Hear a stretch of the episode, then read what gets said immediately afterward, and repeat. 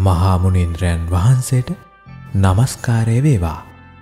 ලෞකික ජීවිතය තුළ සාක්ෂාත් වීමක් අපේක්ෂා කළ මිනිසාට අවසානයේ ඉතිරි වූයේ සුන්නු බලාපොරොත්තුවකි.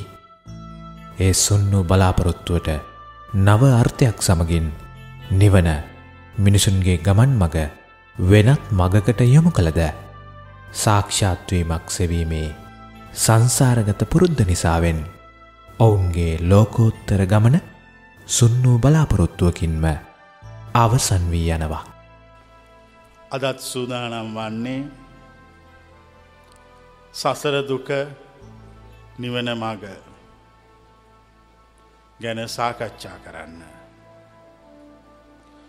ලෝකෙට අවුරුදු දහස් ගානකට සැරයක් සත්‍යය අරගෙන. ගැලවුම් කරුවකුගේ ආගමනය සිද්ධ වෙනවා. ඒ සත්‍යය තේරෙන ඇත්තෝ එක අහලා සදාකාලික ශාන්තියටත් අවබෝධයට විමුක්තියට පත්වෙනවා. ඒ සඳහා සුදුසුකම් සපුරපු අය ප්‍රයෝජන ලබනෝ. නුසුදුස්සෝ ඉවත් වෙනවා. සුදුස්සෝ එකතු වෙනවා. අපි මේ කරන දේශනාව සුදුසන් හා නුසුදුස්සන් තේරීමේ පරීක්ෂණයයි. මේ හැමෝම ඉන්ටව් එකකට ඇවිල්ලා ඉන්නේ. සම්මුඛ පරීක්ෂණයකට. දැන් සම්මුඛ පරීක්ෂණය ආරම්භ කරන්න සූදානම. සම්මුඛ පරීක්ෂණය ආරම්භ කරනකොට තම තමන්ගේ සුදුසුකම් අපි පරීක්ෂා කරනවා. ඒ සුදුසුකම් සපුරල තියෙන අය සම්මුඛ පරීක්ෂණයෙන් සමත්. අනික් සියල්ලෝම අසමත්. සමත් වෙන්නේ කවුද අසමත් වෙන්නේ කවුද තීරණය වන්නේ පගාව මත නෙවෙයි. සන්තෝසං මත නෙවෙයි. සැබෑවටම දක්ෂතාවය මත. හැකියාව හා කුසලතාවය මත. අධර්මිෂ්ඨකම අයුක්තිය අසාධාරණය රජකරන ලෝකයේ ගැලවුන්කරුවානන් පහළවන්නේ යුක්තිය හා ධර්මිෂ්ඨකම සමගයි. උන්වහන්සේගේ පරීක්ෂණය අවසාන විනිශ්චය උන්වහන්සගේ සම්මක පරීක්ෂණය යුක්තිය හා ධර්මය මූලික කරගෙන පවතී. උන්වහන්සේ පරීක්ෂා කරන්නේ ඔබලාගේ හැකියාවයි. කුසලතාවයයි. දක්ෂතාවයයි. හැකියාවන්ගෙන් කුසලතාවන්ගෙන් දක්ෂතාවයන්ගෙන් පරිපූර්ණ වූ මිනිස්සු ගැලවීමට සුදුසුකම් ලද්දෝය. වරම් ලද්දෝය. ඔවුන් ඒ සධාතනික සුවයට ලැබීම සඳහා ආශිර්වාදය හිමිකරගෙන පැමිණ ඇත. අපි පරීක්ෂා කරනවා ඔබ ආශිර්වාදය හිමිකරගෙන පැමුණුනාද කයා. අයුක්තිය අසාධාරණය රජ කරන ලෝකයේ යුක්තිය සාධාරණය හා ධර්මිෂ්ඨකමේ පරීක්ෂාව තමයි සිදු කරන්නේ. ඒකට සුදුසු එන්න ඕනෑ.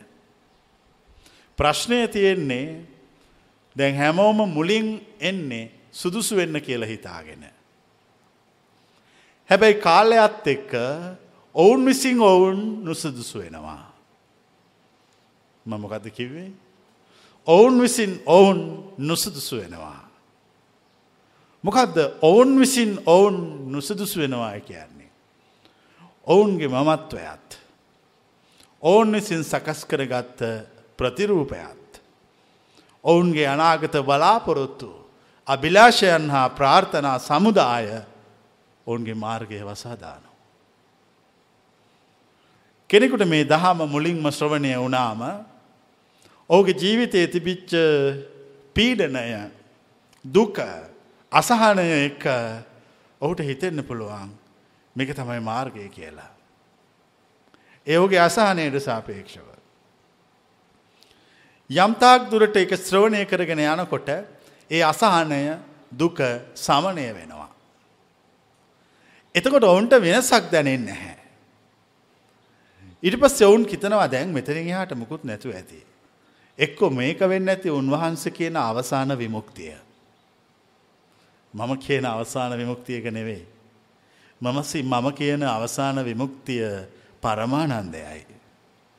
ලෝ පවතින්නා වූ එකම සුමිහිරි වූ අත්දැකීම. ඒකට පත්වීම සඳහා ජීවිතය ගොඩක් කැපකිරීම් කරන්න ඕන. කෙනෙක් හිතුවොත් තමුන් අවසාන විමුක්තියට පත් වනාය කියලා මම හිතන්න ඒක තම එයා යාට කරගන ලොකුම අසාධාරණය. මිනිකුට අවශ්‍ය වෙනවා ගමනාන්තයකට ළඟා වෙන්න. ඔහු ගමනාන්තය ගැන ගියපු කෙනෙකුගෙන් තොරතුරු අහනවා. අහලා ඔහු එවැනි තැනකට එනවා. ඇවිල්ල කියනවා වටපිට බලලා මේ එතන කියලා. එක වැරදිී කියලා මං කියන්නේ. ඒ එතනද කියලා හරියටම විනිශ්චය දෙන්න ඕන කලින් ගමනාන්තය ගැන දන්න කෙනා එතෙන්ට ආවයින් පස්සේ. මේ ඉන කිසි කෙනෙකුට අවසාන විමුක්තිය පිළිබඳව අවසාන තීන්දුව දෙන්න අවසර නැහැ.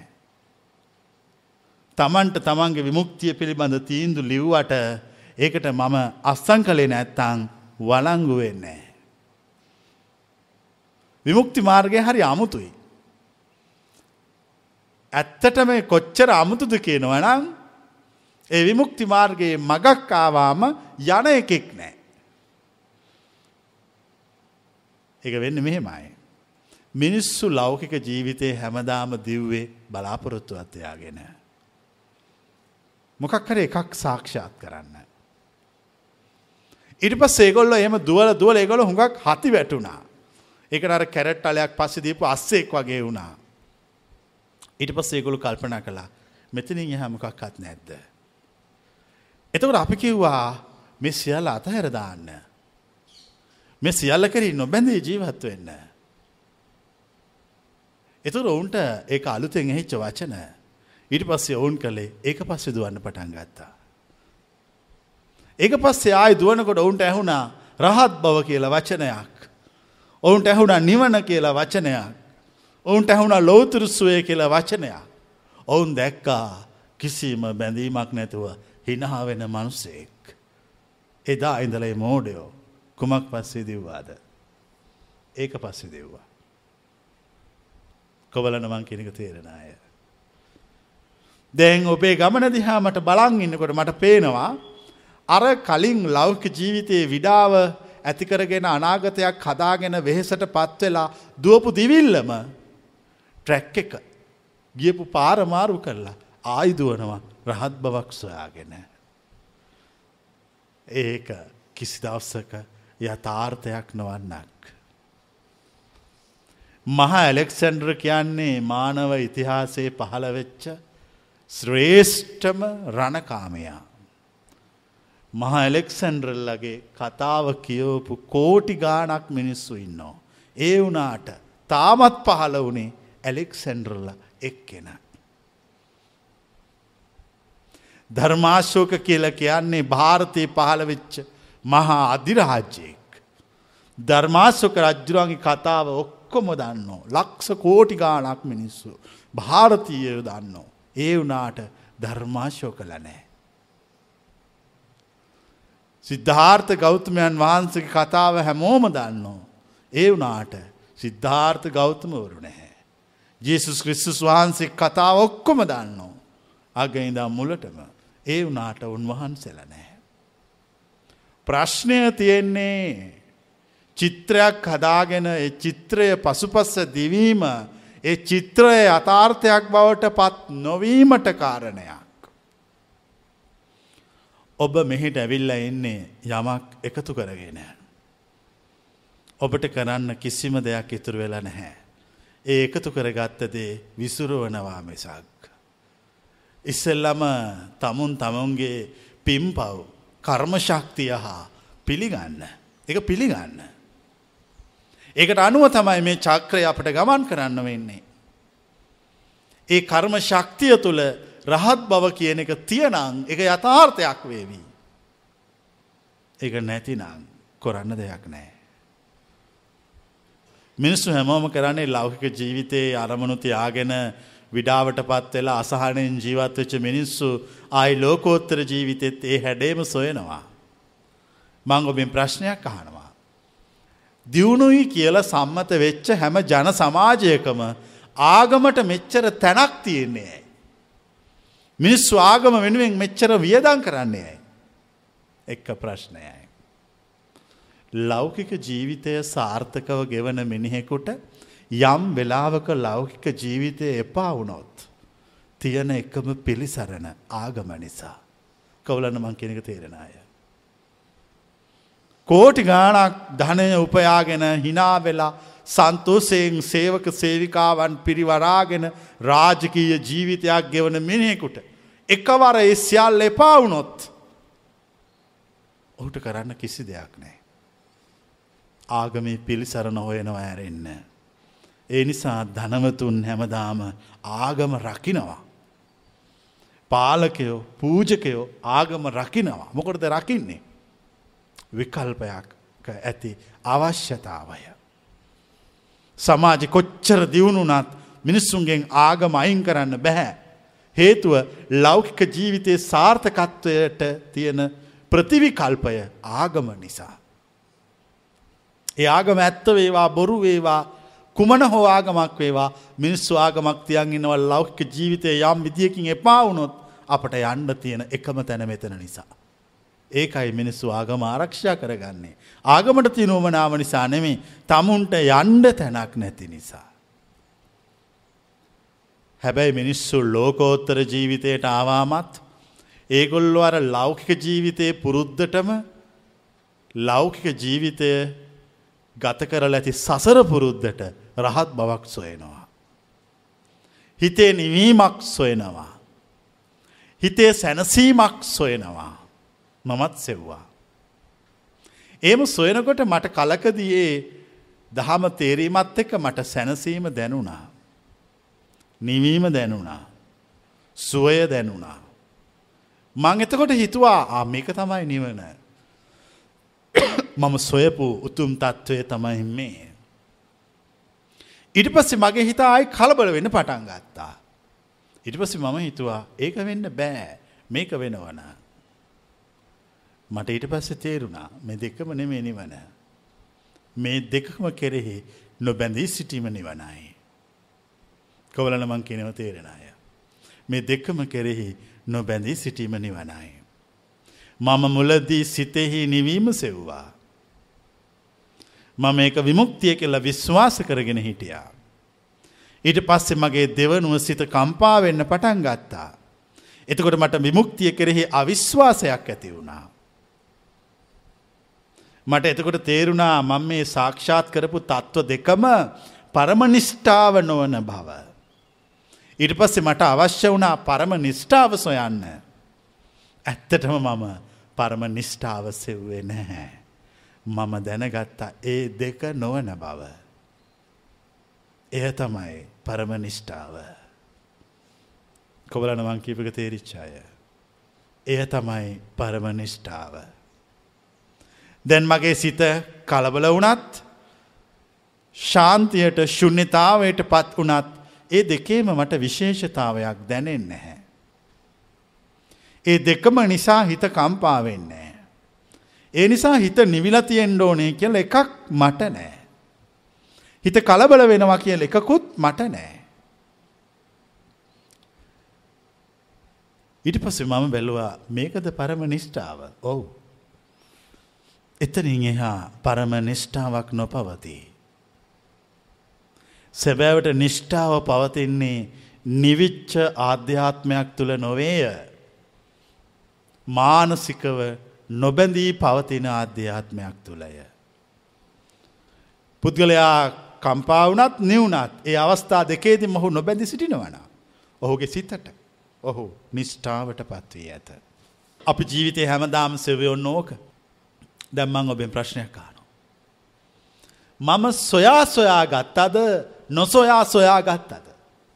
මම නොසොයා සොයා ගත්ත. ලෝකයේ බුදුවරු පෙන්නපු මග නොසොයා සොයන මග. මම සෙව්වා නිවීම. මට ලැබුණා නිවීම. ඒ සමගම මට ලැබුණා කම්පනය. නිවීම සොයනකොට නිවීම ලැබුණා නිවීම තුළ සිටින විට කම්පනය ලැබුණා. මම දෙකම සෙවීම අත්හැරියා නොසොයා සිටියා. නොසොයා සොය සිටින විට මම සොයා ගත්තා. කොවලනම කියන වචන තේරෙනය. නොසොයා සිටින විට මම සොයාගත්තා. කුමක්ද. නොසොයා සිටීම තුළ පරම නිෂ්ඨාව ඇති බව. පරම නිෂ්ඨාව ඇති බව. කිසේ කිසි දේක විශේෂතාවයක් නොදකින සිත. කිසි දේක විශේෂතාවයක් නොපෙනෙන සිත. සියලු ලෞකික වූත් භෞතික වූත් පදාර්ථමය වූත් ශක්තිමය වූත් සියල්ල සුබාදහමෙහි නිර්මාණ බව පෙනෙන සිත. සියල්ල ස්වභාව දෙකක් නිසා පවතින බව ප්‍රත්‍යක්ෂ වූ සිත. ඒ තමයි අපි දන්න පරම නිෂ්ඨාව. අපට එතනින් එහා හිතන්න බැහැ. අපට එතනින් එහා කල්පනා කරන්නත් බැහැ. අපට එතනින් එහා අවශ්‍යතාවයකුත් නැහැ. අවශ්‍යතාවයක් නැහැ. උපමාවකින් කියනවනං මෙසේ කියමේ. උගුර ළඟටම කාපු මිනිහෙකුට කිරිහට්ටි විස්සක් ගෙනත් දුන්නොත් ඒක බැරි මරගාති කොච්චරකයිද. උපරිමය එකක්. ඊට පස්ස කිරිහට්ටි දහනමයම තිබිල කියනවා. දැන් සම්පූර්ණයි. ඔහුට ඉට පස්සේ අවශ්‍යතාවයකුත් නැහැ. අනවශ්‍යතාවයකුත් නැහැ. අන්නේ වගේ තමයි ඒ විමුක්තිස්සුවයට පත්වෙච්ච උත්තමයා. ඔහු නොසොයා සොයා ගන්නේ. ඔහු ඇත්තරම විමුක්තිය කියල සොයාගන්නේ නොබැන්දී සිටින රහසා. ඔගොල්ල විමුක්තිය කියල සෙව්වේ නිවෙන සිතක්. අපි විමුක්ති දෙකක ඉන්නේ. දැන්ගේ නිවෙන සිත සොයන්න ගියා. සිත මුලදි නිමුණා. එතකොට ශ්‍රද්ධාව ඇති වුණා. කවුරු කෙරෙහිද මා කෙරෙහි. ඔබට ඇතිවී ඇත්තේ උතුම් වූ අච්චල ශ්‍රද්ධාව නෙවෙයි. ඔබට ඇති වෙලා තියෙන්නේ අමූලිකා ශ්‍රද්ධාවක්. ආකාරවති ශ්‍රද්ධාවකුත් නෙමේ. නිවෙන සිත නිසා මාකරේ ශ්‍රද්ධාව පහළ වෙනවා. එතර ඔවුන් කල්පනා කරනවා උන්වහන්සක දේශනාව අපේ ආධ්‍යාත්මයන් නිවා දැමුවා. ඉට පස්සේ කලක්ගේ ලායි සිත කම්පා වෙන්න පටන් ගන්නවා. එතකොට ශ්‍රද්ධාව සෙල්ල වෙනවා. එතකොට කියන උන්වහන්සට වැරදුනාද අපට වැරදුනාද. මට කිසි දවසක නොවරදී මක් නිසාද ස්වබාදහම විසින් මාව ඔබ උදෙසා එවා ඇති නිසා. වැරදුනොත් වරදින්නේ ඔබටමයි. ඒ නිසාම තමයි ස්වබාදහම මා ඔබ උදෙසා එවා ඇත්තේ ඔබට වරදින නිසා. කොබලන මංකිනව තේරෙනය. ඉරි පස්ස සිත කම්පා වෙන කලබල වෙන්න පටන් ගත්තාම ඔවුන්ට විමුක්ති සුවය ගැන සැක සංකා ඉපදුනා. දැන් මම ඔබට කියනවා. නිවයාාවෙන් පස්සේ සිතෙහි චංචල බවක් ඇති වුණොත් ඒ විමුක්තිය පිළිබඳ පෙරණිමිත්තක් බව. කොබලන මං කියනව තේරෙනය. ඒ විමුක්තිය පිළිබඳ පෙරනිමිත්තයි. පෙරනිමිත්තක් දැක්කහම සන්තෝසයට පත්වෙනවා. ආධ්‍යාත්මය ජීවිතය පටිසෝතගාමී. පටිසෝතගාමී ජීවිතයෙහි අනුසෝතගාමී පෙරනිමිති නොබවති. නිවීම පිළිබඳ අනුසෝතගාමී පෙරනිමිත්ත නිවීමයි. නිවීම පිළිබඳ පටිසෝතගාමී පෙරනිමිත්ත කුමක්ද. කම්පනයයි. කම්පනයේදී සතුටු වෙයල්ලා නිවීමේදී දුක්වයල්ලා. මක් නිසාද කම්පනය නිවීමෙහි පෙරනිමිත්ත වන නිසා. කම්පනයෙහිදී සතුටුවයල්ලා නිවීමෙහිදී දුක්වයල්ලා මක්නිසාද කම්පනය නිවීමෙහි පෙරනිමිත්ත වන නිසා. සිත කම්පාවට පත් වන හමය විමුක්තිහි පෙරනිමිත්ත බව පිළිගන්න. එවිට ඔබේ සිත ආධ්‍යාත්මය සදාකාලික ශුන්්‍යතා විහරණයට පත්වෙනවා. ඒ සදාකාලික ශුන්්‍යතා විහරණය ඔබව ශුද්ධවන්ත භාවයට පත් කරනවා. ඉස්සරොය තිබුණ කටුපෑනින් ලියන කාලේ තීන්ත පෝන කඩදාසි. ඒ තීන්ත පෝන කඩදාසීට ඕන දෙයක් උරනෝ. ඔබේ සිතත් තීන්ත පෝන කඩදාසියක් බවට දැම් පත් කරගණ්ඩ. රාගය කියන තීන්ත එකට උරන්න අරින්න. දවේශය කියන තීන්තත් එකට උරන්න අරින්න. මෝහය ඊර්ෂියාව වෛරය මෙ කවර ආකාරයක තීන්ත ජාතියක් එකට පොඟවන්න. කිසි ප්‍රශ්නයක් නැහැ. එය තීන්ත පෝන කඩදාසයක්. කඩදාසිට ප්‍රශ්නයක් නැහැ රාගය උරා ගත්ත කියලා. කඩදාසිට ප්‍රශ්නයක් නැහැ වෛරය දවේශය උරා ගත්ත කියලා.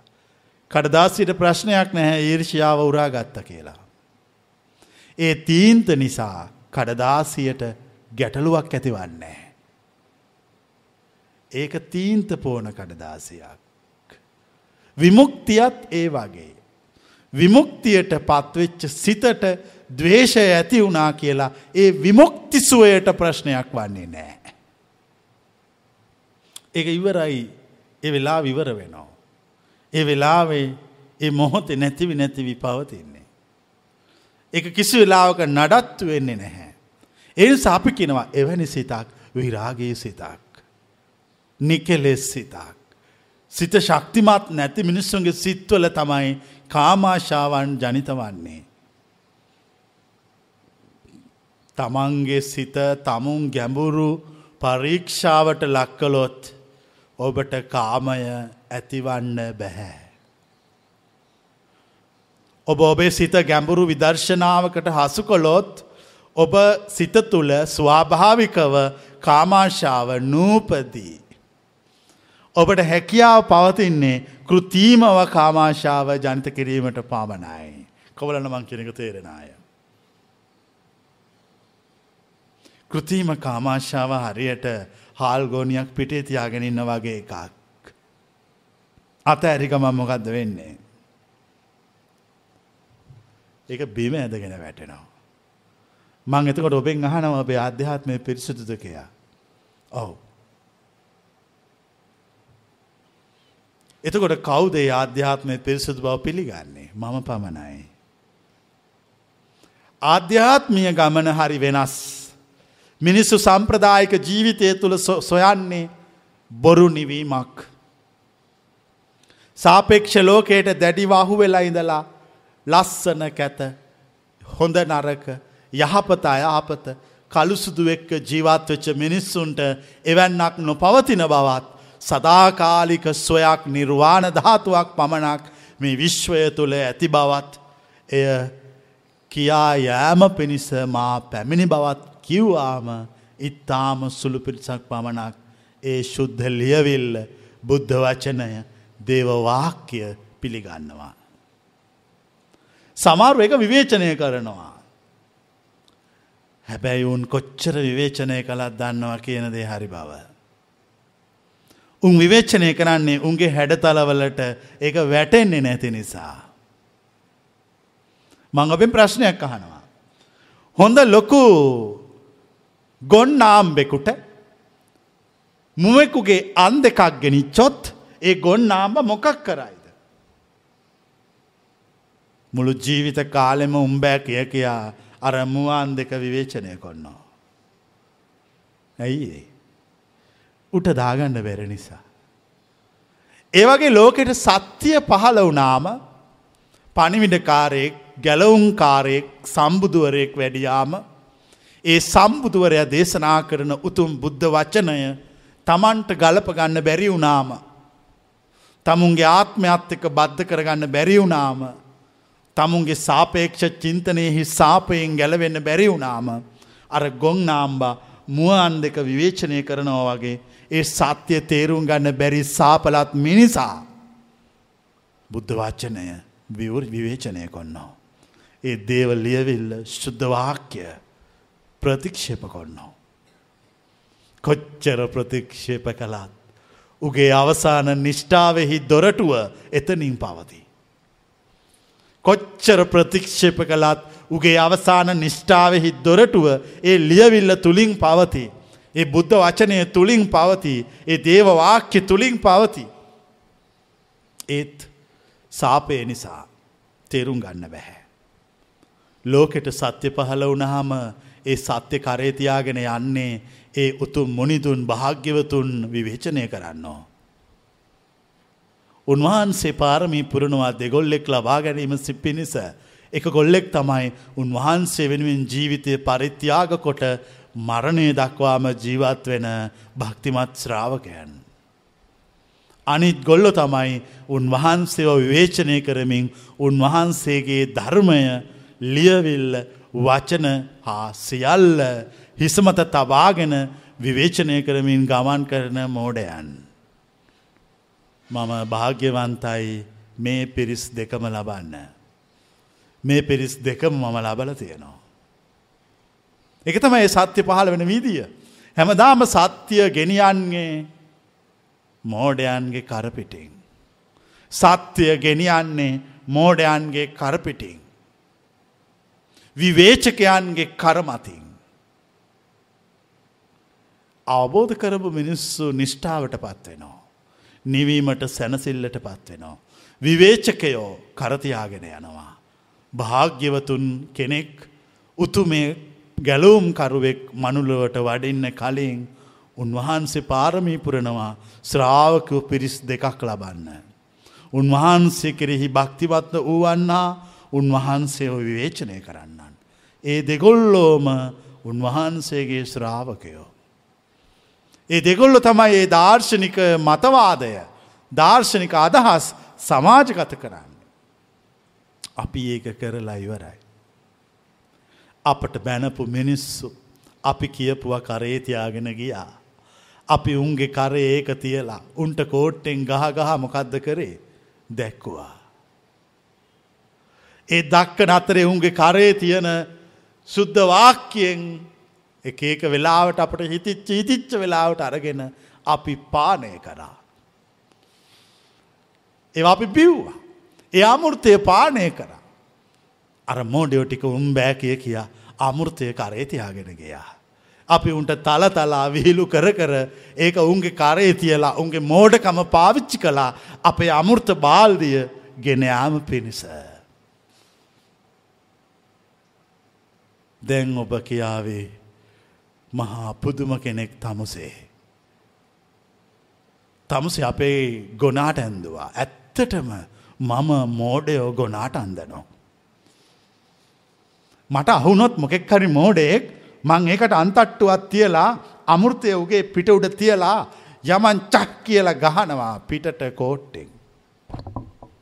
එතකොට ගොන්ත අඩියා අර වච්චන විවේචනය කර කර එක කාරයතියාගෙන යනවා. ඒ අතර එක පානය කරන්න කැමති කෙනෙක් අහුනොත් මං අහනවා නුබලා අමුෘතයට කැමතිද. එසේය ආ කෙලෙගොලට දෙනවා.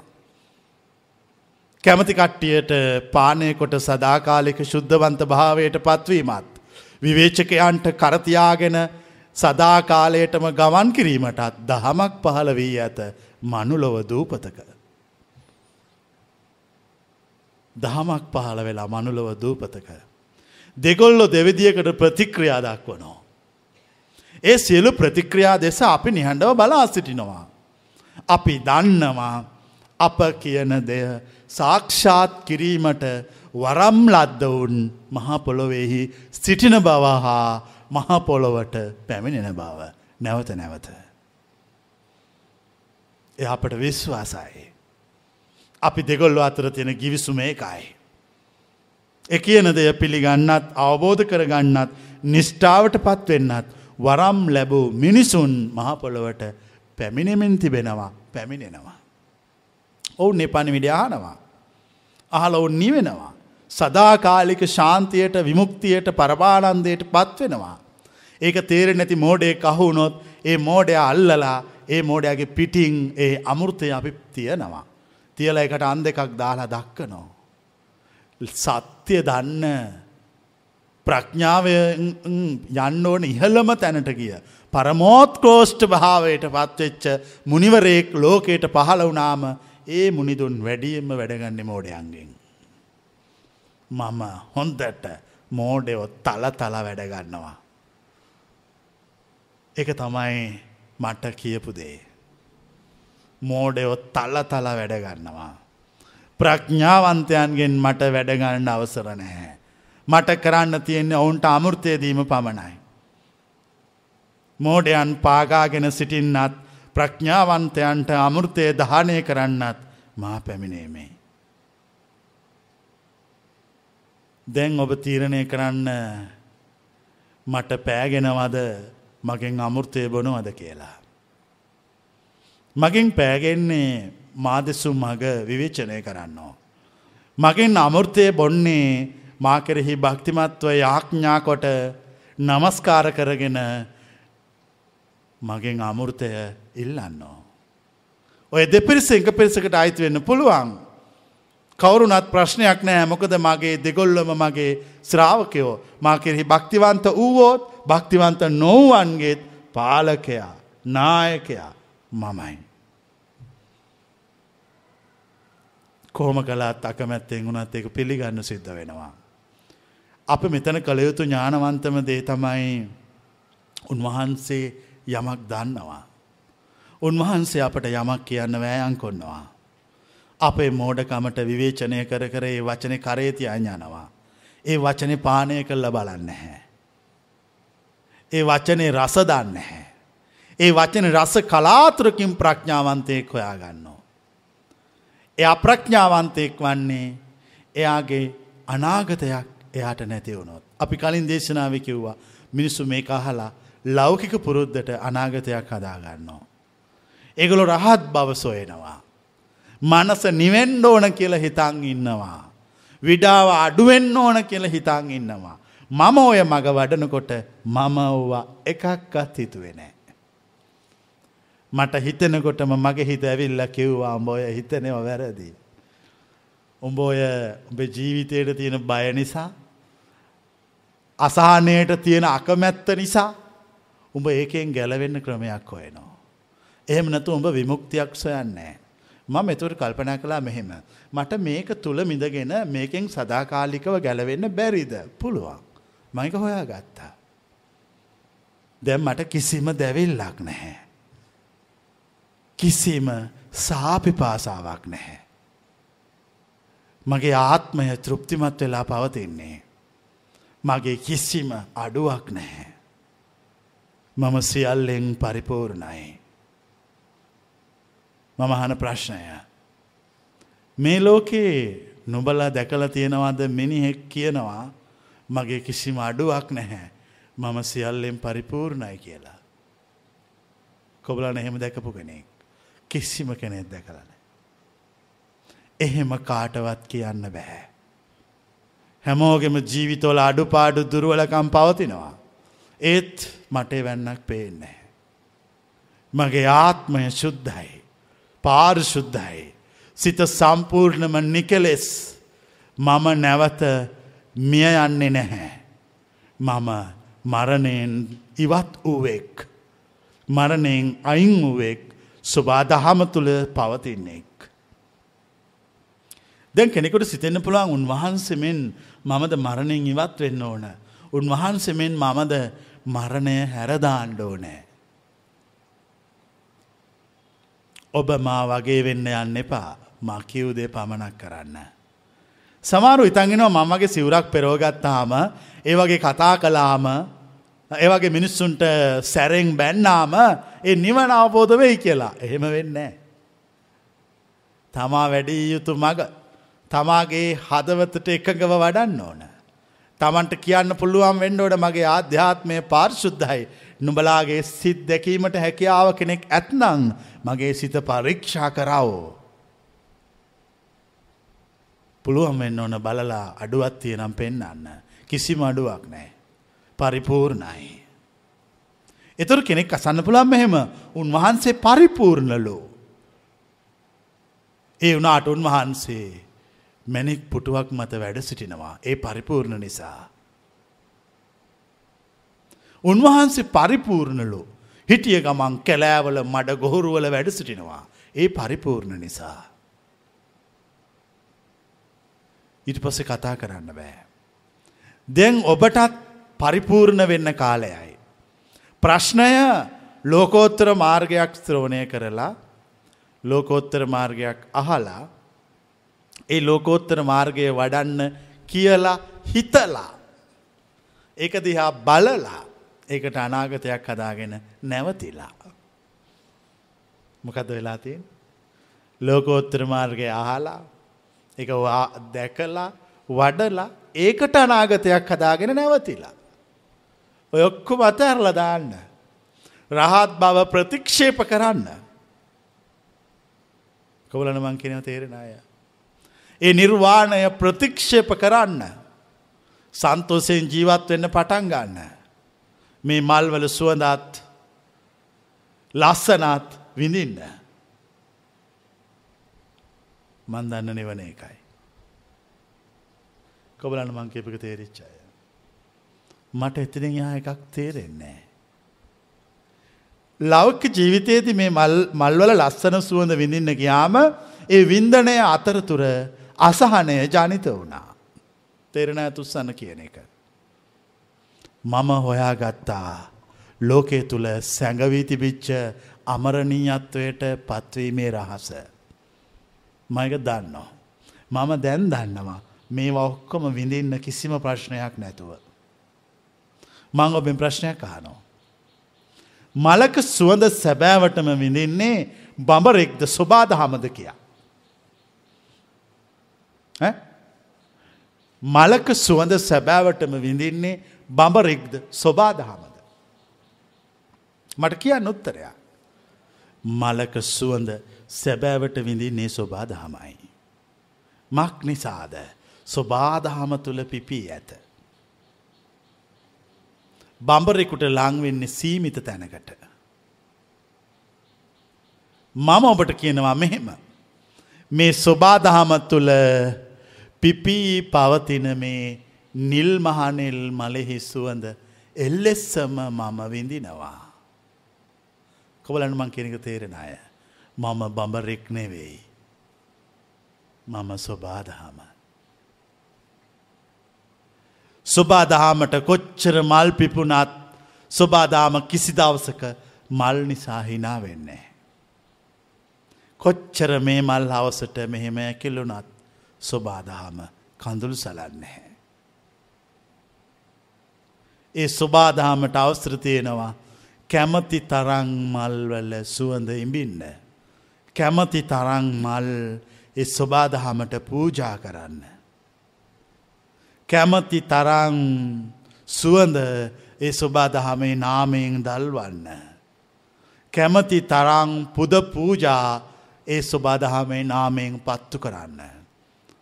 තමන් සන්තක වූ යම් ලෞකික සම්පත්වේද ඒ සියල්ල ඒ ස්වබාදහමේ නාමයෙන් පූජා කරන්න. කොච්චර කළත් මදී.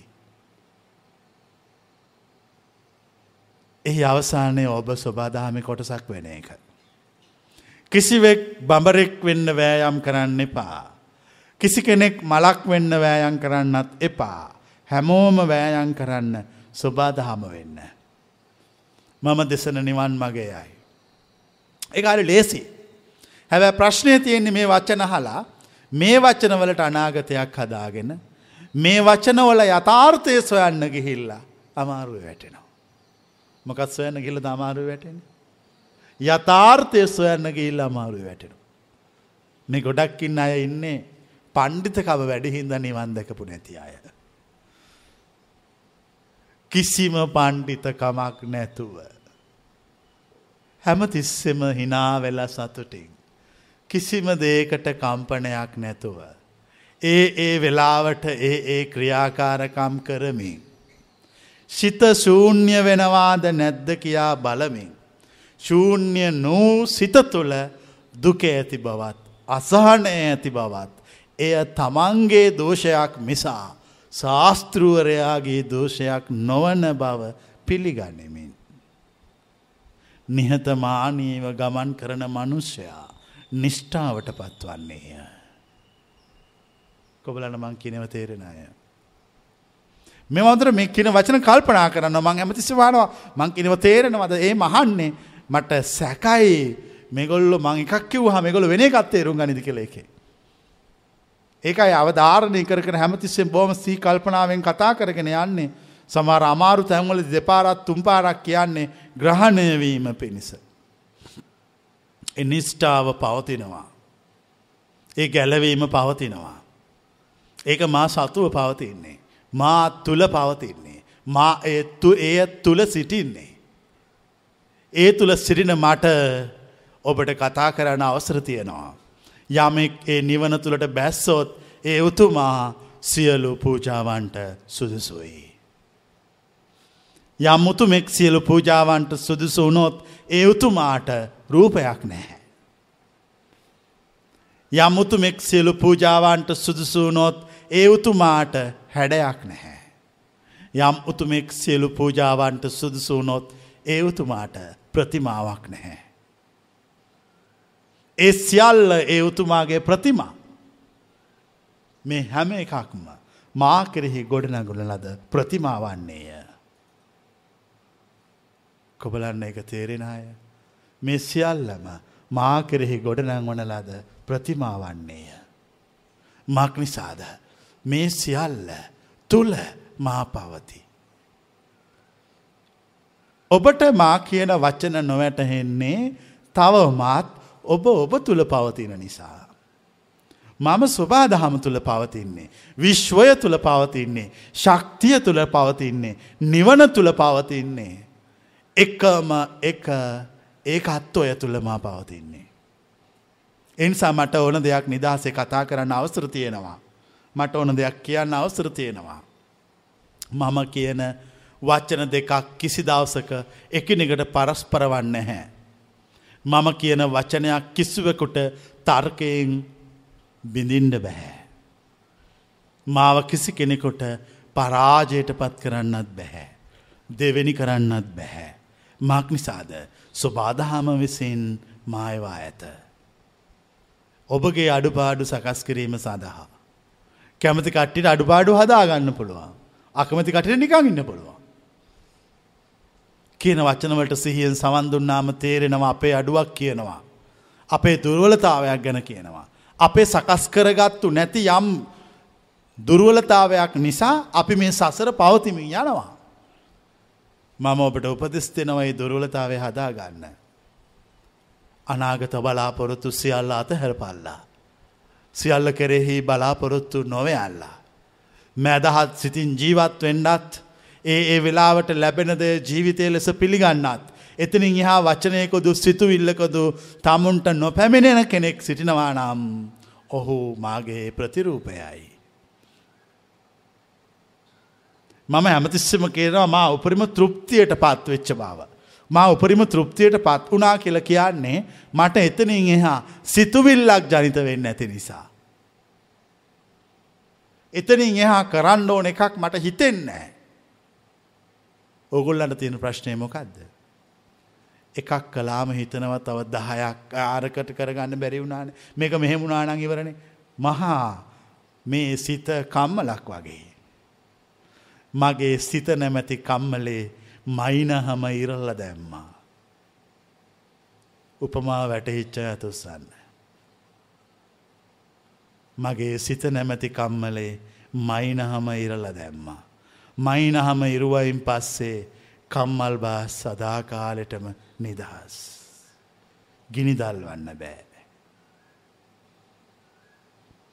ඔගොල්ලන්ගේ තියෙන ප්‍රශ්නය සිත නැමැති කම්මලේ මයිනහම වැඩ කරනවා. හූස් හූස් ගාලා හුලම් පිබිනෝ. එතකොට ගිනි දැල් වෙනවා. එතකොට බාස්ට මිටිය ඉස්සිල ටාන් ටාංගාල ශද්ධයක් ඇහෙනවා. ඒ සද්‍ය ඇහෙන මිනිස්සු පිහි අරංගෙනවා. පිහි අරගෙන කොටසක් ගිහිල්ල ඒවායින් කපනවා. මේ එක මයිනහමක් නිසා පද්ධතියක් වැඩ කරනවා. කොබලන්නේ කතන්දර තේරෙන අය. මම මේ මයිනහම දිහා බලං හිටිය. මට තේරුණා මේ ඔක්කෝම මේ මයිනහමෙන් තමයි දුවන්නේ. මට හිතුන මේක ඉරලදාන්න. මම ඉරල දැම්ම. අරුන්ගේ කප කප හිටි පිහි විසි වුණා. ඔක්කොම නැවතිලා වෙන්නේ මොකක්ද කියල දැම් බලන් එන්නවා. දැන් ඉට පස්ස කෙනෙකුට මෙහෙම හිතනවා. අපි කලින් අර මයින හම තියෙනකං අර කම්මල් බාස් නිසා අපි කොච්චර හොඳට ජීවත් වනාද. අපි මොනතරන් රස කෑම බීම හදල කෑවාද. මොනතරං හොඳ කෑම යව්වාද. කොච්චර දේවල් ඒ බාසුන්න හැ නිර්මාණය කළාද. ඒ මෝඩ බාසා මේ මයිනහම ඉරපු දවසිඳල අපට පිහිත් නෑ. කෑමත් නෑ. උදලුත් නෑ. කිසිම දෙයක් නෑ. එතකොට ඒගොල්ලො මට බනිනවා. ඒ බනින්නේ ඇයි. උන්ගේ සාපේක්ෂ ලෞකික කාමුක අවශ්‍යතාවයන් සපුරාදීම සඳහා මා සාපේක්ෂ ලෝකයට ඇඳී තිබූ බැඳියාව කඩාගෙන ගියපු නිසා. මිනිස්සු මට බනින්නේ උන්ගේ කාමයට අතවනන්න දෙන්නේ නැති නිසා. උන්ගේ ඊර්ෂියාවට මුක්කු ගහන්නේ ඉනිමංතියන්නේ නැති නිසා. උන්ගේ මමත්වය නැවත නැවත ආරෝපණය කරන්න ඉඩ දෙන්නේ නැති නිසා මිසක් මගේ වරදක් නිසා නොවෙයි. සියල්ලෙන් පරිපූර්ණ වූ මට කවර වරදක්ද. සියල්ලෙන් පරිපූර්ණ වූ මම කවර දෝෂයක් දකිින් නැද. දැන් තියෙන ප්‍රශ්නය කොටසක් අර මයිනහම ඉරුවට කම්මල් බාස්ට වනිනවා උන්ගේ කලින් සාපේක්ෂ ජීවිතයේ සාපය ගෙවාගන්න බැරුව. කොටසක් කල්පනා කරනවා මෙහෙම. මේ පිහිය තියෙනකම් මොන තරම් කරදරයක් වුණාද. මොන තරන් දේවල් මේකෙන් කැපුවද. මොකී පාරක් මගේ අත කැපුණාද. මේ දාක ඇත්ත නිසා මං කොච්චර මහන්සි වුණාද. මේ උදැල්ල නිසා මට ජීවිතය ඉවර කරගන්න බැරුව හිටියේ. බාස්සුන්න හැ කම්මලේරුවා මට හරි සතුටුයි. දැන් ඔබට ඔය කණ්ඩායම් දෙකෙන් ඕන පැත්තකට යන්න පුළුවන්. මයිනහම ඉරපු කම්මල් බාස්ට බනින්නත් පුළුවන්. මයිනහම ඉරපු කම්මල් බාස්ට මල්පු දන්නත් පුළුවන්. දැ මෙතන වැඩියෙන් එන්නේ. මයිනහම ඉරපු කම්මල් බාස්ට මල්පු දන්නවා. හැබැයි මයිනහම ඉරපු කම්මල් බාස්ට බනිනවා. පිහිය කැපෙන් නැති වුණාම මතක් වෙනවා. උදැල්ලෙ තලේ කැඩුනම මතක් වෙලා කම්මල් බාස්ට බනිනවා. ඒ කාලෙ නම් වූ කොච්චර හොඳට වැඩ කර කර හිටියද. මොන්න තරං හොඳ දේවල් කිව්වද. අපේ පිහිමුවත් තිබ්බා. අපිට උදලු හදල දුන්නා. අර නිවන් දැක්කයින් පස්සේ අපට උදලුත් නෑ. අපට පිහිත් නෑ. උන්ගේ සාපය ගෙවා ගන්න බැරුව උන් විලාප දෙනවා. ඔගොල්ල බාසුන්න හැට මල් පූජ කොන්නවා. අපේ සදාකාලික අසහනයෙන් අපිව ගලවා ගත්තා. අපිව මුදවා ගත්තා. අපට මාර්ගය පෙන්නවා.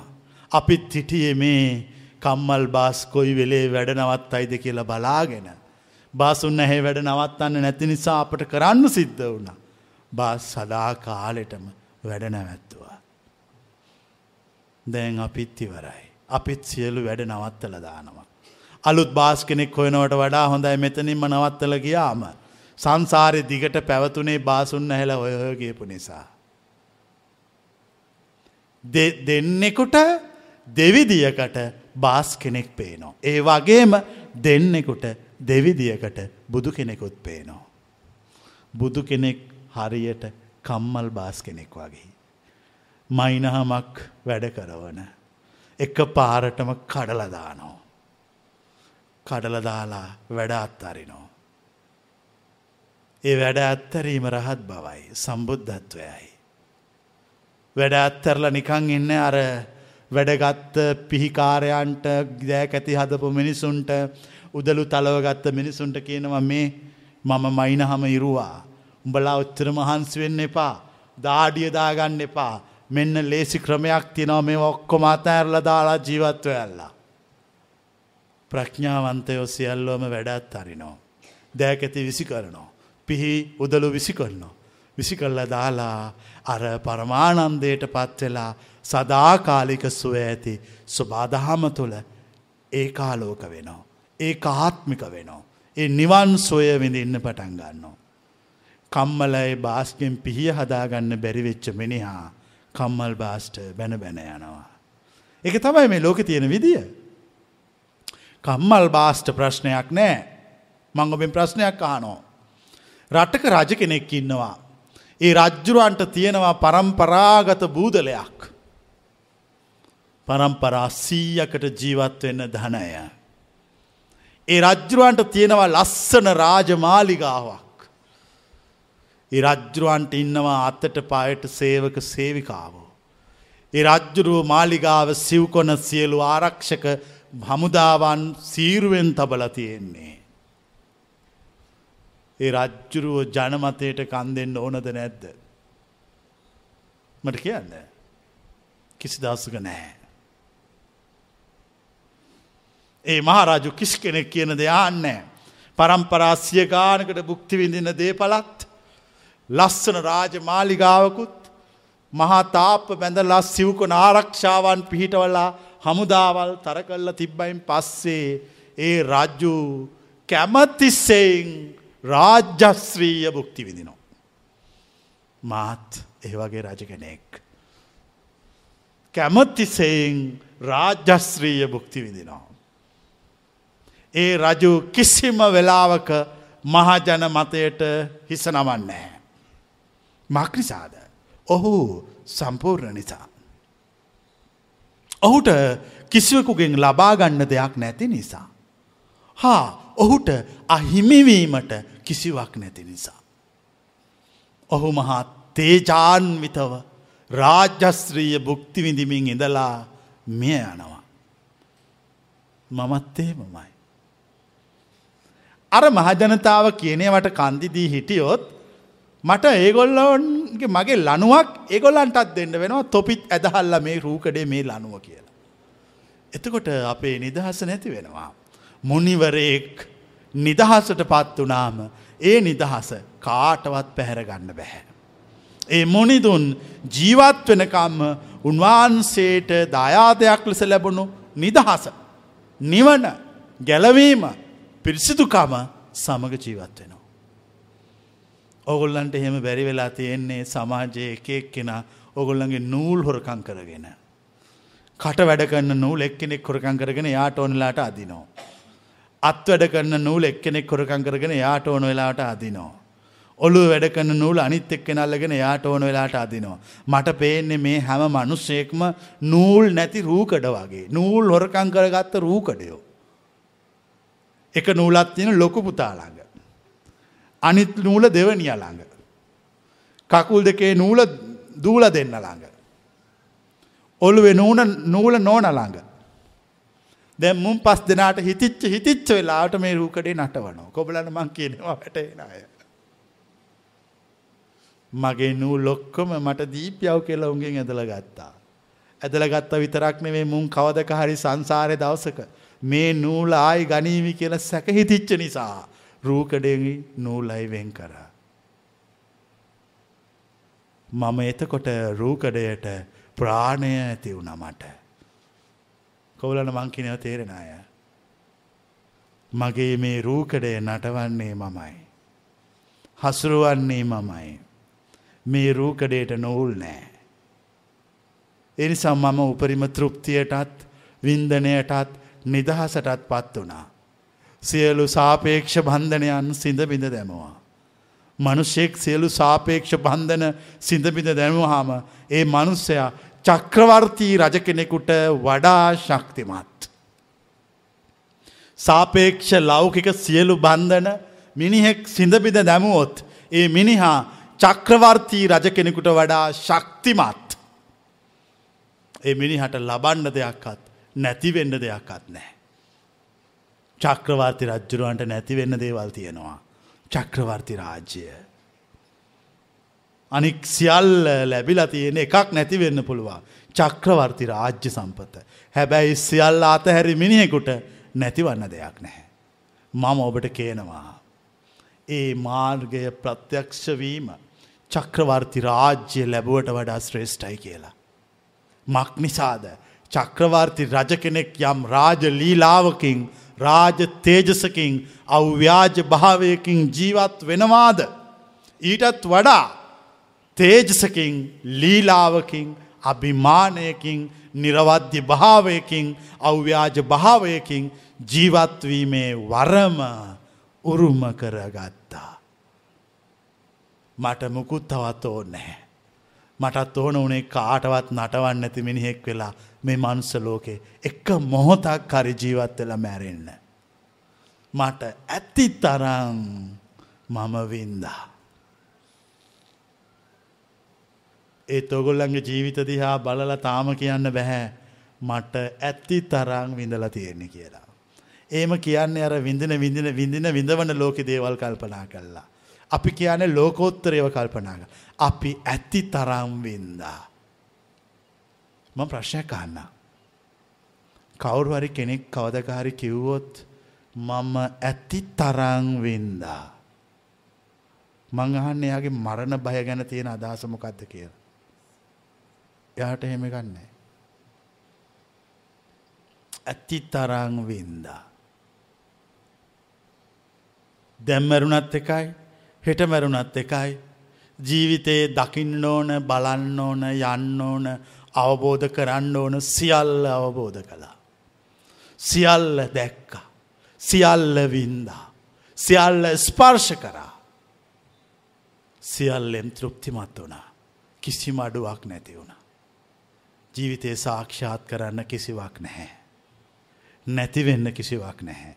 ලැබෙන්න කිසිවක් නැහැ. ඒ නිසා මට අමුතුවෙන් හිතන්නත් කිසිවක් නැහැ.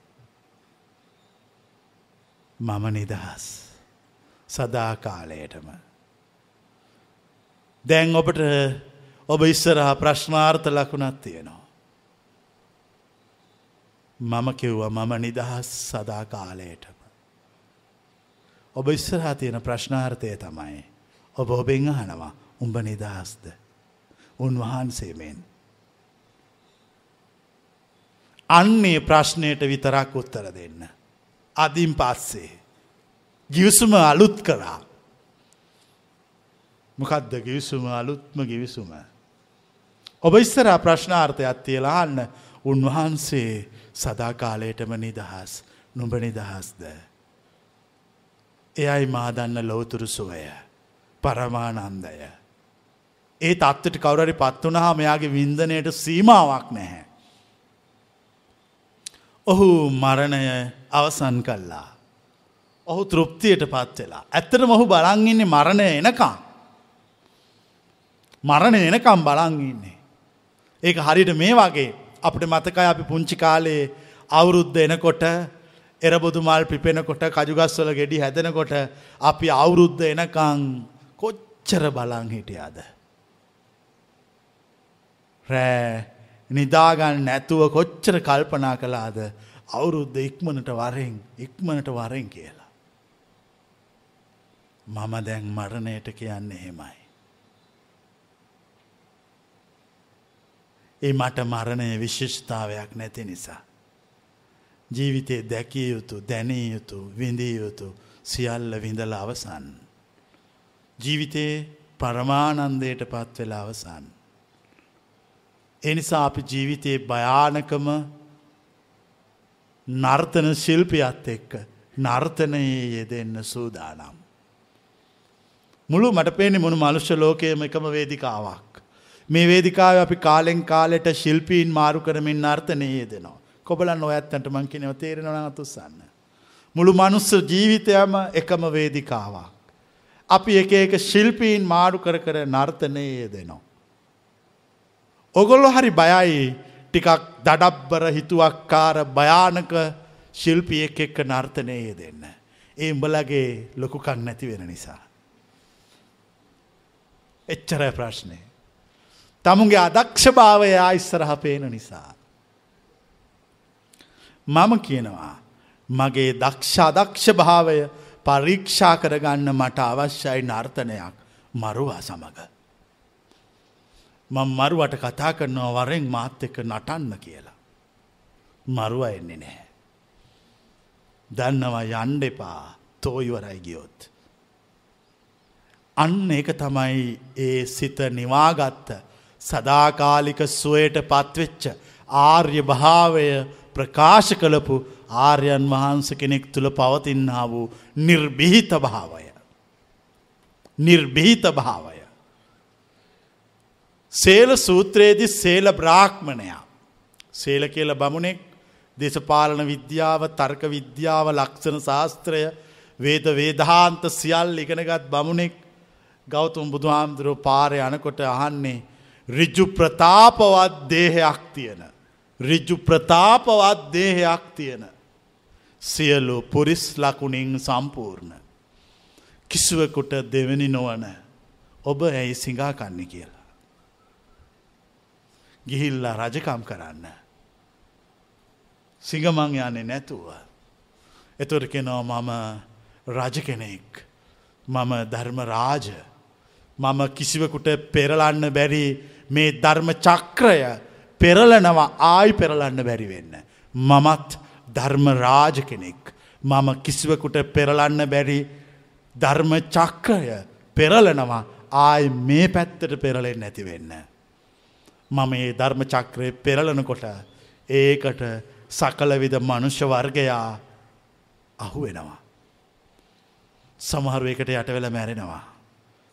සමහරුවකට යට වෙලා සදාකාලික ශාන්තියට පත්වෙනවා. මට කරන්න දෙයක් නැහැ. මට තියෙන්ට පෙරලන්න. මම පෙරලෙනවා.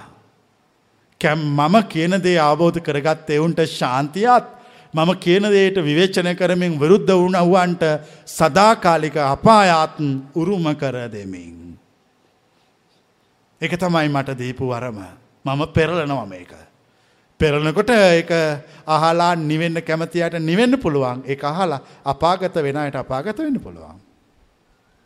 ගෞතම් බුදුහාමුදුරුව භාරතය ජීවත් වෙනකොට ඕකමයි සිද්ධ වනේ. කොටසක් පවපුරුවගෙන අපාගත වුණා කොටසන් නිවන් දැක්කා. ඉතින් මේක වෙන්න ඇත්තවන එක මයි නැත්තම මේ දෙකක් නිසාසන. ශාසන එකක් න එකම දේවල් ඒ විදිහටම සිද්ධ වෙන්න ඕන. එම නැත්තන් ඒ දෙකේ මොකක්හරි කෘතිීම බවක් තියෙනවා. දැන් ඔබ බලන් ඉන්න ඔය දෙකේම එකක් වෙනවාද කියලා. ඒ විතරක් නෙමෙයි තමුන්ට ගන්න ඕන දේ ගන්න. කොයි වෙලාවකත් ජීවිතයේ විමුක්ති සොයක් සොයන්න එපා ලෝකෝත්තර ජීවිතයකට පත්වෙච්ච කෙනෙක්. වැරදියම සෙව්වොත්. ඒක හරියට මේ වගේ. චක්‍රවර්ති රජ්ජුරුවන්ට ඉන්නවා රත්න අටක් පහල වෙනවා කියලා අපි අහලා තියෙනවා පැරණි පොත්වල. එකක් තමයි පුත්‍ර රත්නය. මං අහනවා ප්‍රශ්නයක්. චක්‍රවර්ති රජ්ජුරුවන්ගේ පුත්‍ර රත්නයට ආරක්ෂාව ඕනද කියලා. නෑ. චක්‍රවර්ති රජ්ජුරුවන්ගේ පුත්‍ර රත්නය. එයාට කිසිම ආරක්ෂාවක් ඕන්න යාට කියන්න තියෙන්නේ මම චක්‍රවර්ති රජ්ජුවන්ගේ පුත්‍ර රත්නය. කිසිම ආරක්ෂාවක් ඕන්නේ. එයා මුකුත් කරන්න ඕනත් නෑ. එයා රජකම ගැන හිතන්න ඕනද. චක්‍රවර්ති රාජ්‍ය හිතලගන්න එකක් නෙමේ පිනට ලැබෙන එක. මම චක්‍රවර්ති රජ කෙනෙක්. ඔබලාට පුළුවන් පුත්‍රරත්නය වෙන්න. හැබැයි වරම් දෙකක් ඉල්ලනවා. පළවෙනි එක තමයි ආරක්ෂාව බැහැ. දෙවැනි එක තමයි රජකම ඉල්ලන්න බෑ. රජකම ඉල්ලුවොත් එක ප්‍රාදේශය රජ කෙනෙක්. චක්‍රවර්ති රාජ්‍ය පිනට ලැබෙන්නේ. ආරක්ෂාව ඇතුව යන්න බෑ. එයට කියන්න පුළුවන් මම චක්‍රවර්ති රජ්ජුරන්ගේ පුත්‍ර රත්නය. ඒ වගේ වෙන්න. ඒ වගේ වෙන්න. එක ඉල්ලලා හිතලා වඩල ගන්න එකක් නෙමෙයි පිනට ලැබෙන එකක්. පිනට ලැබෙන එකක්. ඒ පිනට ලැබෙන එක ලැබෙන තැන දක්වා යන්න දඟලන්න එපා. එදාට එදාට කියනදේ අහලා එදාට එදාට තියෙනදේ කාලා එදාට එදාට නිදාගෙන එදාට එදාට නැගිටින්න. කොබලන් ඒ ටිකවත් යන්තමට තේරිච්චාය. ඒ ටික ඇත්ති. එදාට එදාට කියනදේ අහලා එදාට එදාට දෙනදේ කාලා එදාට එදාට නිදාගෙන එදාට එදාට නැගිටින්න. ඉදියාට අනාගතයන් නෑනේ. එයා පුත්‍ර රත්නය.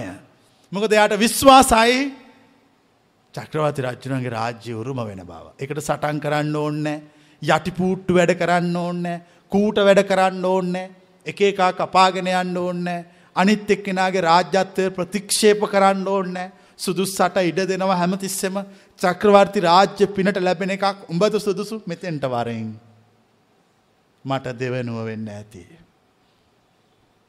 එය හැමෝට මිඩ දෙනවා හැමෝත් එක්කම එකට ඉන්නවා මොකද චක්‍රවර්ති රාජ්‍යය අයිති. ඔහුට කිසි බයක් නැහැ. ඔහුට ලැබෙන්ඩ ඕන කියල එකක් නැහැ. එක තමයි අපි කියනේ චක්‍රවර්ති රාජ්‍ය එක තමයි ඒ බුද්ධ රාජ්‍ය. ජීතෙන්ට යන්න. හිතෙන්ට යන්ඩ කරන්න තියෙන්නේ එදාට එදාට කියන දේ අහලා. එදාට එදාට කාලා එදාට එදාට නිදලා එදාට එදාට නැගිටිනවා. එතකොට වෙන ප්‍රශ්න මේකයි. උන් අයි ලෝ ලෞකික විදිර කල්පනා කොන්න. අපි කොච්චර දුරට ඒ කාල හිතුවද. අපි කොච්චර දුරට හිතල ප්ලෑන් කරාද වැඩ කරාද. දැම් මේ එදාට එදාට කනවා එදාට එදාට නිදනවා එදාට එදාට නැගිටිනවා. මේ ජීවිතය කිසි ගතියක් නෑ. ඒ ගතියක් නැති ජීවිතය තමයි චක්‍රවර්ති රජවරුන්ගේ ජීවිතය. තියෙන ඉහළම තැනට ගියයින් පස කිසිම ගතියක් නෑ. ගතිය තියෙන්නේ බය තියෙනක. බය දුරු කළ උතුමට කිසිම ගතියක් නෑ. කොබලන්න මේවා හොඳට දැනෙන අය තේරෙන්න දැනෙනේ ඔවිතරයි. බය දුරු කළ උතුමට කිසිම ගතියක් නෑ. මොකද නන්ස්ටොප් ගතියක් තියෙන්නේ නවතින් නැති ගතියකට පත්වෙලා ඉන්නේ. අමුතු ගතියක් ගන්න බැහැ. එයට එහෙම එකක් එන්න නැහැ. මොකද එයා උච්චස්ථානයට පත්වෙච්ච ඒ උච්චම තැන සාක්ෂාත් කරගෙන සිටින්නේ.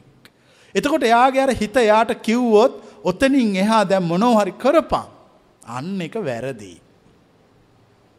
ඕගොලන්ට තියෙන ප්‍රශ්නය සමාජය තුළ මිනිස්සු වටිනකමක් සොයනෝ. මිනිස්සුන්ට සමාජය තුළ වටිනකම පෙන්වන්න වෙන්නේ හැම තිස්සෙම භෞතික දේවල් වලින්. මං ප්‍රශ්නයක් අහනවා. මගුල් ගෙදරක මනමාලී මනමාලය අඳුනගන්නේ මොකකින්ද. ඇඳුම් ඔලි. මට තියෙන ලොකුම ප්‍රශ්නය. මේ ඇඳුම් මාරු කොළොත් මුන් දෙන්න හොයාගන්න කොහොමද. ඊළඟට මට තියෙන ප්‍රශ්නය. ඇත්තටම මෙතන මගුලත්ද ඇඳුමත්ද. මෙතන මගුලක් නැහැ ඇඳුමක් විතරයි. එතකොට ඒ ඇඳුමට ඇඳුම නිසාද අපි මේ සියල්ල කළේ. ඔව්. එතකොට මොකක්ද ඔය කරන බොරුව. එක තමයි තියෙන බොරුව. ඉතින් ඒ තියෙන බොරුව තොපි තවදුරටත් කොර කර යනවන. කවුද මෝඩ මෝඩයි. මනමාලයයි මනමාලය ඇඳුන් නැති වුණොත් අඳුරන්න බෑ. පුදුම මකුල් ගෙවල්. හරියට පිටසක් වලින් කවුරට එක්කෙනෙක් මෙහට ආවොත් ඕම එකක් පෙන්නුවොත් එය අහන්න ඒවා. මේක කොහොමද මේගොල්ල මේවා නැති වුණොත් අඳුරන්නේ. එතර අඳුරන්න බෑ. එතර ඔගොල බොරුවක් නය කරන්නේ. ඔක්කොම කෘතිීමයි. ස්වාභාවික වූ කිසිවක් නැත. කෘතිීම නිසා බොරු මායාකාරී දේවල් වතාවෙන් වතාව හදල පෙන්වනවා. ලෝකේ බොරුවක් උඩ දුවන්නේ. ඒ බොරුව කාලෙකට සැරයක් අපි විවෘත කල්ල පෙන්නනවා. ඒ පෙන්නුවාම බොරුවට ආශාවෙන් කෙලහලන මිනිස්සු. ඒ බොරුව මායාකාරී බව මායාකාරී බවයයි කියා පනිවිඩයක් රැගෙනෙන උතුමාට කඩු අමෝරාගෙන සිටිනවා. ඒත් ඒ උතුමා නොබියව බොරුව බොරුව බව කෙලින් කියනවා. සත්‍යය සත්‍ය බවත් දේශනා කොල්නෝ. ඉට පස්සේ යන්ඩ ඕන තැනට මිනිස්සු එක්කගෙන යනවා. ඔබට මා කියන තැනට එන්න බැරි එ මග වඩනකොට ඔබේ සිත ඔබට සොරා මනමාලියෝ මනමාලයෝ සොයන්න යනවා. ඒ කියන්නේ සාපේක්ෂ බොරුවට වහල් වෙනවා. සාපේක්ෂ බොරුවට වහල් වෙනවා.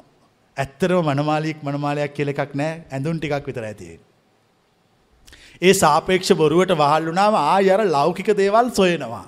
අනාර්ය වූ දේවල් පර්යේෂණය කොන්නෝ. ආර්ය පර්යේෂණය අමතක කොන්න. ඉට පස ආය ලෞක්ක දේවල්ලට වටිනකං හදනවා. ඒව හදලා තමන්ගේ ලොකුකම පෙන්නන්න හදනවා. කිසි වැඩන්නේ. කිසි වැඩන්නේ. කොච්චර ලොකුකම් පෙන්න්න හැදුවත් හදන හැම ලොකුකමක්ම තමුම්ම කරේ තියාගෙන ඉන්න ඕන.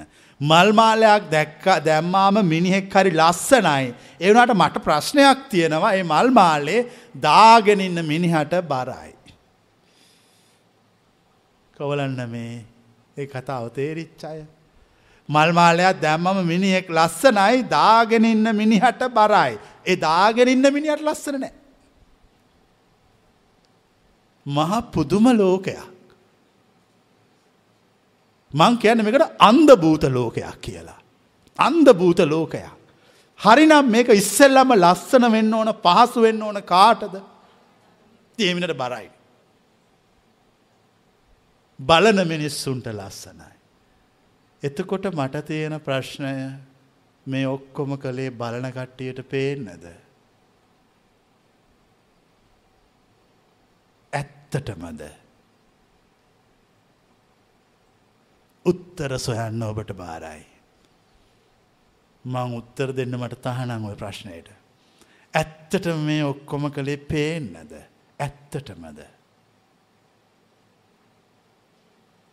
උත්තර සොයන්න. ඒ උත්තරය සුද්තුල මා දෙසන මගෙහි අවසානය පවතිී. ඒ කවුරු හරි සාක්ෂාත් කරගත්තෝත් ඔහු සියලු බන්ධනයන්ගෙන් නිදහස්. කෙටියෙන් කිව්වොත් මගුල් පෝරු වෙනුත් නිදහස්. මගුල් පෝරු වෙනුත් නිදහස්. ඒ සියල්ලෙ නිදහස් වෙච්ච කෙනාට මුළු මනුෂ්‍ය ලෝකෙම මගුල් පෝරුවක්. එච්චරයි. ඒ උතුම් තත්ත්වයට පත්වෙන්න. තමුන්ගේ සිත තමුන්ව හදන හැම වෙලාවකම තමුන් විසින් එක තේරුම් ගන්න. ඒ නිසා තමයි මග වැඩෙන් නැත්තේ. අනාගත බලාපොරොත්තු ලෝකෝත්තරත්වය කෙරෙහි ඇති අත්හැරදාන්න. එදා එදාට ජීවත් වෙන්න. පසුගිය ජීවිතයේ පැරණි මතක වතාවෙන් වතාව ඔබ ඉදිරියට පැමිණ රඟ දෙන බව ඔබට දැනෙනවා ඇති. හිතන්න සිහිනයක් නැවත නැවත පේන බව. ඒව රඟපාල කියනවා මේ වගේ වයන් කියලා. ඒ ඔබ හදන අනාගතයයි. අපට එහෙම නෑ. අපට අතීතය මතක් කරන්න පුළුවන් වනාට මතක් වෙන අතීතයේ වටිනකමක් නැහැ. අතීතය මතක් වෙනවා විතරයි වටිනකමක් නැහැ. වටිනකමක් නැති නිසා අපට අතීතය අනාගතයට සාපේක්ෂ වන්නේ නෑ. එය හුදු අතීතයක් පමණයි. කොබලන්න ඒ රහතුන්ගේ වචන තේරෙන අය. අපට අතීතය මතක් වෙනවා. වටිනකමක් නැති නිසා. එය අනාගතයට ප්‍රතිරූපයක් හැඩයක් සාපේක්ෂකයක් වන්නේ නෑ. එහුදු අන්ති අතීතයක් පමණයි. මක් නිසාද කිසි දවසක අතීතයෙන් අපට අනාගතයක් හැදෙන් නැහැ. අනාගතයක් හැදෙන්න හිතේ අඩුවත් තියෙන මිනිස්සුන්ට. පුංචි කාලේ අපට හැමදාම ගෙදරින්කිවේ මොකක් හදාගන්න කියලද. හැම දාම කිව අනාගතයක් අදපන් කියලා. කවදාකත් කියවෙන අඩුව හදාගනින් කිය. රහතුන් කියන්නේ අඩුව හදාගනින් කියලා. කිසි දවසකේ බුදුවරු රහතුන් කියන්නේ කාටවත් අනාගතයක් හදන්න කියලා මොකද උන්වහන්සල දනව අනාගතයෙන් බොරුවක් එක අතීතයට සාපේක්ෂව හදන එකක්. අඩුව හදා ගන්න කියනවා. අඩුව හදාගත්තම අනාගතයක් නෑ. අතීතය හුදු සිහිනයක්. ඉතින් එතෙන්ට පත්වෙන්න. එතෙන්ට පත් වනාම ඔබට පුළුවන් පරමාණන්දයට පත්වෙන්න. එදාවේල ජීවත් වෙන මිනිහෙක් වන්න. එදාවේල ජීවත් වෙන මිනිහෙක් වන්න මිනිසු හරි බයයි එහෙම කිව්වාම. මිනිසු ඉතානේ තමන්ගේ වටනකම තියෙන සංචිත කරපු ධනයත් එක්ක කියලා. මිනිස්සු හිතන්නේ තමුන්ගේ වටිනකම තියෙන තමුන්ගේ දේපලත් ඉඩ කඩාං එක කියලා නෑ. පිරිසිදු හිතත් එක්ක. කොච්චර දේපල තිබ්බත් හුස්ම ගිය ගමන් අයිතිකාරයක් දෙවැන්න. ඒකයි මම කියන්නේ මට එහෙම දේපලක් අවශ්‍ය නෑ කියලා. මට ඕන සදාකාලික වූවක්. සදාකාලික වූවක්. වෙනස් නොවන්නක්. අචල වූවක්. නොසෙල්වී පවතින්නක්. ඒ නොසෙල්වී පවතින එකම එක දෙයක් මට පේනවා. ඒ තමයි අවබෝධය. ඒ අවබෝධය පරිපූර්ණත්වයට මාපත් කරගත්තා. දැන් ඔබට කරන්න තියෙන්නේ මම කියන වචන හලයි මග යන්න. ගීල කෝමාරී මේ සසරදුක මේ භවයේදී නවත්තන්න. අපි ප්‍රාර්ථනා කලා විතරයින මෙච්චරකල් ප්‍රාර්ථනාව යථාර්ථයක් වී ඇත. ප්‍රාර්ථනාව යථාර්ථයක් වී ඇත. ප්‍රශ්නය ප්‍රාර්ථනාව යථාර්ථයක් කියලා මිනිස්සුන්ට හිතෙන් නැත්තේ මානව සමාජය තුළ සත්‍යයේ පහළවීම අවුරුදු ලක්ෂගානක ප්‍රාර්ථනාවක් නිසා. එක යථාර්ථයක් වේවී කියල හිතන්ඩ හිතෙන් නෑ ගොල්ලන්ට එහෙම. ඉ ප්‍රාර්ථනාම කර කර හිටපු නිසා. ඉට පස යථාර්ථයක් වෙනවා වෙලා ඉවර වුණාම හිතෙන් නැති නිසා ආය ප්‍රාර්ථනා කරනවා යථාර්ථයක් වෙන්න කියලා. ආය කොහැරිතනක යථාර්ථයක් වෙනවා ආය ප්‍රාර්ථනා කරනවා යථාර්ථයක් වෙන්න කියලා යථාර්ථයක් වෙච්චදේ පිළිගන්න එම හිතෙන්නේ. පිනක් තිබුණොත් හිතේවී.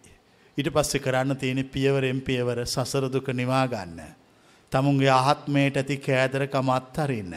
ප්‍රතිරූපය සිඳබිඳ දමන්න. එදා එදා ජීවත් වෙන්න. නිවන සොයන්න එපා. නිවනට හිත සකස් වෙන්න අරින්න. මේ දේශනාවල් හොඳට අහන කෙනෙකුට අමුතුවෙන් සොයන්න නිවනක් නෑ. මේවත් එක්ක ඉන්න කෙනෙකුට ඒකම තමයි නිවන. බිහාමමත්තේ කලේ බරේ දුක්කංච සමුදයංච නිරෝධංච මග්ගංච පඤ්ඥාපේමි. මේ බඹයක් තරම් උස වූ ශරීරය තුළ සත්‍ය පවතිී. ඒක සොයාගන්න. දුරන මේ ළඟ පවතින්නේ. ළඟ තියෙන එක සොයාගන්න. ළඟ තියෙන එක සොයාගන්න බැරුව පිස්සු වැටිලා හැම්මත් තැනම දුවනෝ. දැන් ඔය පිස්සු ඔක්කොම නවත්තන්න.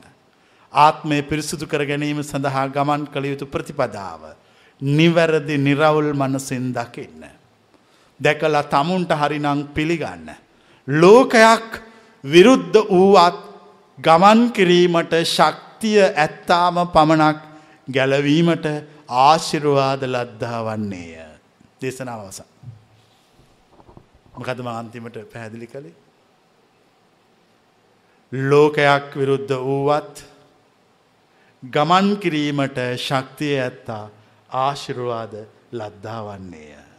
එයා විතර එතන යන්නේ අනිත් අය ඔක්කොම් මග නවතින. දැන් එහෙනම් ආශිර්වාද ලද්දෙක් වීමට ඔබට එකක් වෙන්න ඕන. මොකක්ද ලෝකයක් විරුද්ධ වෙන්න ඕන. මිනිස්සු ඒකට බයයි.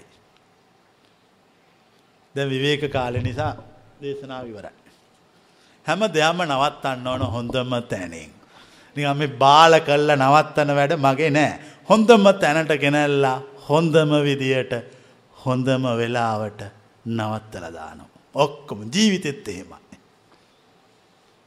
අවුරුදු දහස් ගානක් කතා කොරන්න පුළුවන් එතකොට.